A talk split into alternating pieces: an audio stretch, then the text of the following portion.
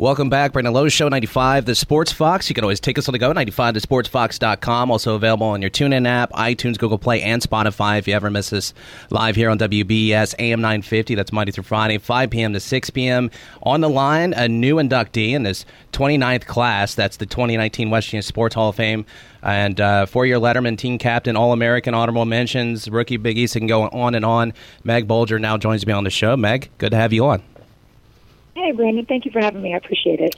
Yeah. So, first obvious question: What was your reaction knowing uh, now that you're a part of the Sports Hall of Fame at WVU and you're a part of the history books? More a part of the history books because you have multiple records there with the basketball program. But this is a type of legacy that carries on for a lifetime. Yeah, I mean, it's just very humbling. Um, I was so excited for my brother and my sister when they got in, and the feeling to get in yourself is totally different um, you know, you kind of look back on things that you never really thought about, and uh, you, I kind of wonder, like, man, I did this. When did I do all of this? um, it's pretty cool, but it's very humbling, and, and I'm just really grateful. And, and the course that I'm going in with, they're they're so incredible. So uh, it's a huge honor. Of course, your brother Marc, who played in the NFL for years, was a great quarterback there at WVU. Katie, of course, did her thing there at West Virginia, all part of the uh, Sports Hall of Fame. Who was the most competitive, though, in the house? Man, that's pretty tough. Uh, I, I think we all are, but I probably got to say Marc is because um, he has a, a more quiet demeanor, so it, it comes at you a little different. um, whereas Katie and I, you know, we'll get more emotional and you know be more vocal about it. But Marc is kind of steady. He's like kind of like a quiet assassin. So I'd have to go with Marc. Yeah, the silent. That's what I was about to say. The silent assassin, which of course had a great career as you guys did, and I was just wondering, like that household had to be extremely competitive. Uh, you know, when I've been around competitive sports, have people, even friends, can make you even more competitive and can drive you more as well as you had a successful career there at West Virginia. Yeah, I mean, growing up, there was never a dull moment, as you can imagine. It was just, uh, you know, there was games going on at all times, and with five kids, you could kind of have some pretty good ones. Um, you know, three on two or two on two with a sub. Um, so, or depending on who wasn't playing well, they became the ref.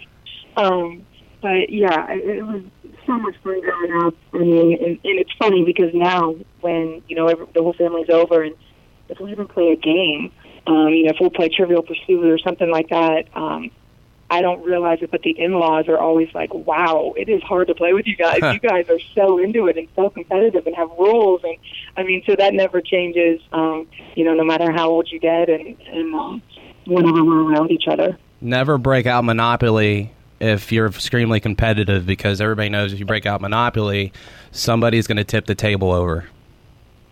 yeah, there's no doubt. I mean, it's and we will go on for hours until we're not kind of like that family that says like, okay, you know, it's late, let's just wrap it up. It's like, no, you started this.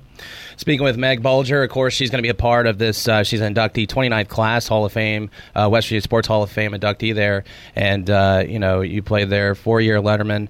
Um, when you reflect back on your career with the Mountaineers, what are a couple moments that you uh, that kind of jump out to you in your playing career? I mean, certainly playing with my sister my freshman year was, um, I mean, a huge reason why I even went there. Um, you know, I really wanted to have that experience with her, um, and especially after getting to know Coach Carey and being around him and his vision for where he wanted to take the women's program. It was so special, and, and you could really um, feel that when you were around him. But I have to say, just the year playing with my sister was one that I will never forget. There's lots of fun memories with that, good and bad, probably. Um, in particular, we beat Notre Dame that year, and we just we had some huge wins that year, and um, it was just pretty special when I think about it now. You, uh, you know, I mentioned some of those uh, accolades. Uh, that was just a couple. There's too many to just go on because you've done, you've done a, you just had a tremendous career there. Of course, that was why you're going to be in the Hall of Fame. But um, you, I, I, I didn't even know this, but first male or female in history to win the Big East scoring title. When you think about how many great players play in the Big East on both sides, whether it's male or female, and for you to get the scoring title uh, before anybody else does is truly remarkable. I think that's one of those that really jump out to me. Yeah, it's funny you bring that up. I I didn't really think I knew that uh, until just recently when I read that a few days ago, and that kind of hit home to me too. Just you know, as you mentioned, just the incredible players that have come through the program. Um, and and the Big East Big East basketball was was pretty tough. Um, so I'm really proud that I was able to, you know, uh, accomplish that um, on the teams that I did in, in such a tough conference. Um, you know, but I got to give credit to, to Coach Carey and, and my teammates for that because uh, I, I certainly wouldn't have been able to do that without them. But you did go through some adversity in your career. I believe uh, you tore your ACL. Uh, was that around your junior year, and then you had to recover the following year. You come back, and then I mean that I, I had uh, Martin on several times this year, and having to talk to her when she first came back with her injury. Of course, everybody talked about how big of an impact that was on the squad when Tynice went down. But you know, here you are; it's the same level because of what you meant to your team. Especially, we just talked about scoring. Uh, Martin was uh, very similar in that. Uh, you know, the, well, I don't know what she averaged, twenty eight points or something like that, uh, twenty six points before she. You know, that was a big impact on the team. So I'm sure that's a lot of adversity there faced right near the end of your college career. I, I don't know how you got through it. How did you get through that adversity, and, and how did it make you better in the long run? I mean, well, just to mention with Tynice, it'll be exciting to, to have her back and watch her. She's such an incredible player, probably the best player in the Big 12, um, you know, if not one of the top five in the country. So that's exciting for her. Um, but it's tough. And I think that, I think Tynice probably would agree with this. It's the mental aspect of, of a serious injury like that and being away from your team, you know, it really segregates you and you feel kind of alone. Um, you don't feel part of the wins, even though everyone includes you. It, it's tough mentally, just because you're trying to learn to do things all over again. Where, you know, any any time on the floor, you just go out for a layup, but after an ACL, you kind of think twice. You're afraid to jump. You're afraid to leave your feet. You have to learn all of that over again and really trust yourself. So, just regaining my confidence was was totally important. But um, I mean, just the support of my teammates and, and Coach Carey and the, the whole training staff down at West Virginia is just so incredible. With the fans, I mean, it, it was so heartwarming. And I actually have a box still that I have saved to this day of just, you know, emails and letters that that people would write in support and you know wishing me well. I mean, it was just so incredible the outpouring of um, support that I received just from West Virginia. Um, so that that kind of makes you feel really good inside, and, and you know that you're not you're not doing it alone, despite what you're thinking. Meg Bulger on the line here, Brandon Lowe Show, uh, Sports Hall of Fame inductee for this year's class. Of course, I'll do that.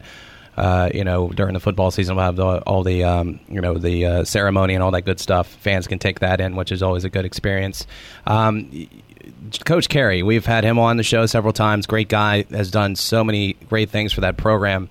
Um, you mentioned him. You were a part of that early success uh, with Coach Carey because he was about what three years or so into the job. I think he took it back in 2001 or something, if uh, history is right. So um, you, yes. you come in three years later.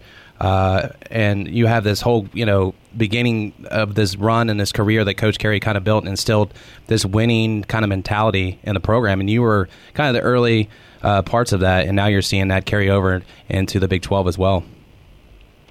Yeah, it was. I mean, he was obviously the main reason, you know, as well as my sister for going there. Um, like I mentioned, you saw his vision and you felt it. I mean, he's a, he's a pretty outspoken, tenacious kind of guy. He's competitive. Um, and he wasn't going to settle for less. He wanted to be at the top of the Big East. He wanted to be considered with UConn and Notre Dame and Georgetown Rutgers of the time. So um, I really felt that, and I think Katie would say the same thing. In our competitive nature, I mean, I visited Notre Dame and Maryland at the time. They had won the national championship, and what I felt from Coach Carey and where he wanted to build a program and the vision that he had from it, and, and to be a part of something that special um, was the main reason I went down there. Uh, you know, he expected a lot from his girls.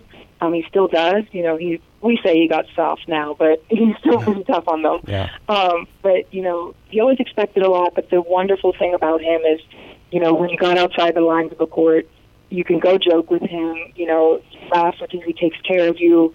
Um, his family's always right there. We go to his house, you know, for for dinners and things like that. So uh, he really, what he's done with this program, uh, you know, over his tenure is just absolutely incredible. And the players that he's getting now and the recognition nationally that he receives and the team receives is so deserving.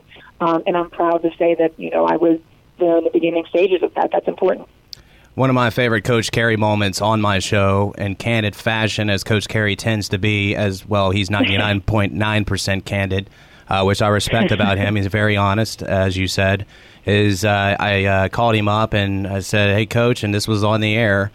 Uh, how you feeling? This was right before Big 12 Media Day, so you know coaches are kind of grumpy. They're traveling. They just want to get media day over with. Uh, and he was like, "Well, I woke up today, so that's a good start." And that right there was Coach Carey in a nutshell. That was one of my favorite moments ever. Um, you know, of course, love having Coach Carey on, but just that right there is the true definition of what Coach Carey is all about. Absolutely. He, you, you, always know what you're going to get from him. He's going to be honest with you, um, which in turn kind of forces you to be honest with yourself about am I working hard enough? Am I doing the things I need to do in the classroom? Am I, you know, being the type of role model I need to be for the girls that are coming to our games? I mean, he's he expects a lot of you, but you got to respect that because in turn he's very honest with you. Um, and as long as you're working hard and and you know you're you're giving it your all, uh, you know what you're going to get from Coach Carey, and you know that goes a long way. Finally, you come from a city that houses a college who hates West Virginia so much, and it's vice versa, right? You come from Pittsburgh, you got Pitt over there. Why? I mean, was it just the recruiting efforts? You you kicked it off with the coach. Why coming out of Pittsburgh, where hatred of West Virginia is so strong, and again, vice versa, Morgantown? How'd you even end up playing in Morgantown? Well, I mean, just from the moment that Marc got to West Virginia, we absolutely fell in love with it. I mean, I think I maybe missed two of his games, home and away, in his entire career. Um, I mean, just driving down and hearing country roads, and you know, being down there for game days, and uh, you know, meeting the people and seeing how much they cared, how loyal uh, the entire state of West Virginia is, and just how amazing the people are.